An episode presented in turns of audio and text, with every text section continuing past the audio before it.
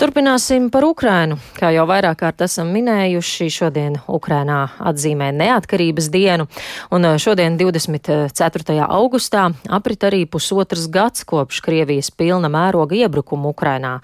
Karš nav apstājies nevienu dienu, tāpat ne diena arī bez kara upuriem, un nekas arī neliecina par kādām drīzām kara beigām vai atrisinājumu.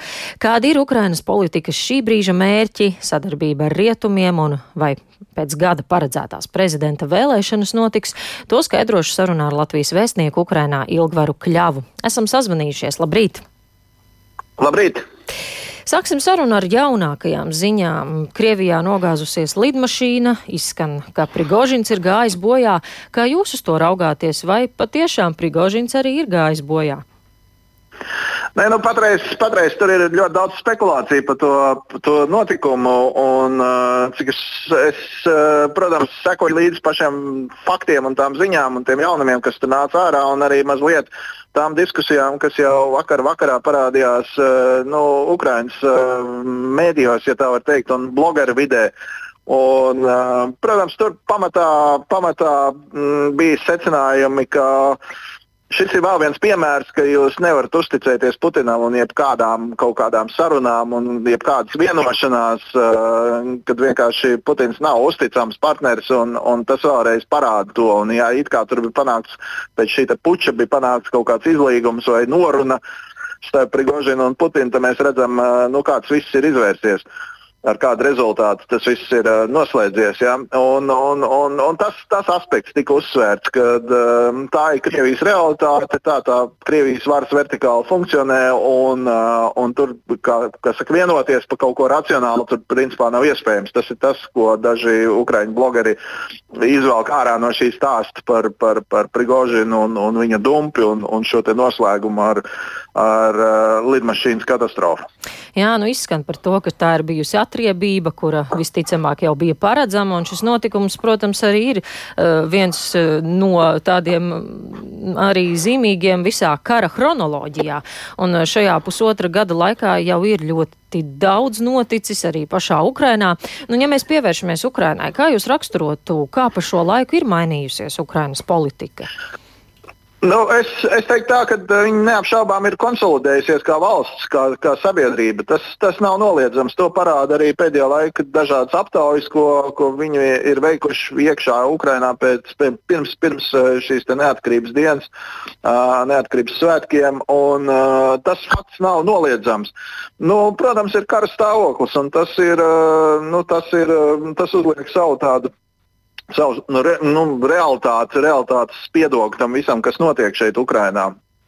Un, un, un, protams, tagad uh, uz valsts svētkiem, protams, kad uh, nebūs nekāda liela publiska pasākuma nekur, un tieši pretēji tiek brīdināti no, no lokālām administrācijām cilvēki, lai nu, nepulcējās uz kaut kādiem lieliem pasākumiem, bažās par to, ka uh, Krievija var izmantot to, lai kaut kādā veidā nu, mēģinātu atkal nodarīt postījumus un nogalinātu, nogalinātu Ukraiņas civiliedzīvotājus, kā to rāda pēdējo dienu un pēdējo nedēļu notikumi. Jā. Tā kā, tā kā tas uzliek savu tādu zīmogu, bet tas, nu, protams, ka Ukraiņi, Ukraiņi ir patriotiski noskaņoti un, un viņi šo savu valsti nu, tur lielā vērtībā. Bet uh, galvenais uzdevums, protams, ir vinēt karu, un, un tagad viss tas fokus ir uz to, lai, lai uh, nu, šo karu noslēgtu. Un, un, un, un tāpēc viss ar nepacietībām uh, gaida ziņas no frontes līnijas. No frontē progress ir, protams, viņš ir mazāks, lēnāks, varbūt nekā daudz to vēlētos redzēt, bet tas, ka uh, progress ir, tas, tas, tas ir neapšaubām. Un, un tāds apmēram ir tas noskaņojums. Daudziem, daudziem karo piedarīgie ģimenes locekļi, un, protams, tas viss atstāja, atstāja iespaidu uz cilvēkiem. Nu, jā, pretuzbrukums notiek, un eh, no Ukraiņiem ir pilnīgi noteikti skaidrs, ka viņi ies līdz uzvarai un nepiekāpsies nekādos teritoriālos jautājumos. Bet, ja mēs runājam tieši par rietumu atbalstu, par ieročiem, visu laiku ir sajūta, ka to nepietiek. Un eh, arī F-16 iznīcinātājus vēl visticamāk šogad nedabūs. Kāda ir tā situācija uz vietas? Vai pašus Ukraiņus šī lūdzēja pozīcija jau nav nogurdinājusi? Vai varbūt jau rietumus ir nogurdinājusi? Uh, es neteiktu, ka nogurdinājis. Tur drīzāk iet pa kaut kādiem segmentiem runa. Bet, protams, kad parādās, parādās tie mediju vidē, parādās vērtējumi, kad ka par to, ka nu, rietumi dod šo bruņojumu Ukrainai, lai tik daudz, lai viņi spētu aizstāvēties, bet nepietiekami, lai viņi varētu gūt strauji izšķirošu uzvaru. Un tā kā šis viedoklis arī kaut kur nu, parādās mediju vidē, ne, un, un, un tajā pašā laikā, protams, Ukraiņi ir ļoti pateicīgi par to, kas tiek, kas tiek piegādāts no, no, no rietumvalstīm, un tas ir ļoti nozīmīgi. Un, runājot par šo nogurumu, nu, es nezinu, es, es personīgi tam neticu. Tomēr. Pagaidām vēl es neredzu tādas pazīmes, jo teiksim, pēdējais lēmums ļoti nozīmīgs par F-16 piegādi, un, un, un, lai arī viņas ieradīsies varbūt tās lidmašīnas gada beigās, un, un, un tur ir vēl apmācības process vajadzīgs, un materiāla tehniskā bāze ir jāsagatavo, teiksim, visu šī te lidmašīna apkopšana un, un, un visa infrastruktūra, kas ir ļoti sarežģīta. Bet pats fakts, ka tas soli pa solim iet uz priekšu, un te, šis te ir ļoti ilgi gaidīts notikums, un ir ļoti ilgi gaidīts lēmums, bet pats fakts, ka tas notiek, tas parāda, ka no šī palīdzība turpinās un, un, un tādu reālu pagurumu jau mēs neredzam.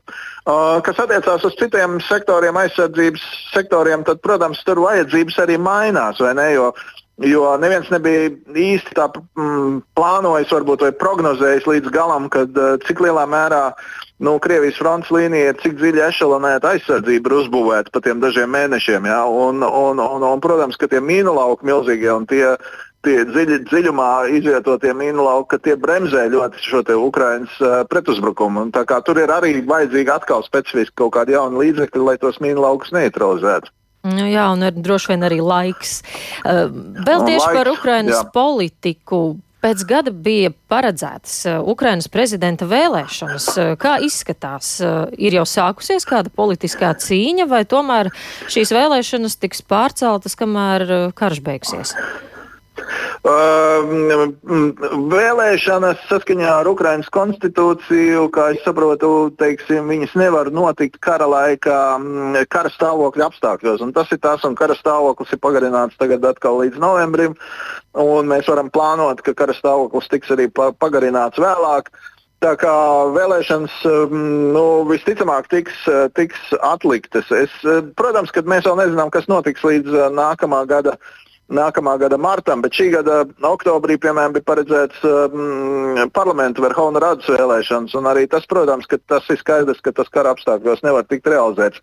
Mm, Tur un... ir gan tīri juridiski šķēršļi un tīri praktiski šķēršļi.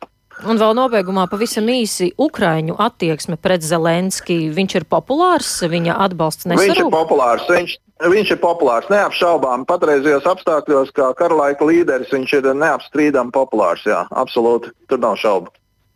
Un nenogurst vadīt valsti arī šajos apstākļos. Nu, Dievs dod, ka tā tas arī turpinās, jā, bet slodze viņiem ir milzīga, un uh, mēs varam iedomāties to cilvēcisko, tīri fiziski cilvēcisko cenu, ko šie cilvēki maksā uh, par, par to, ko viņi dara, aizstāvot savu valsti.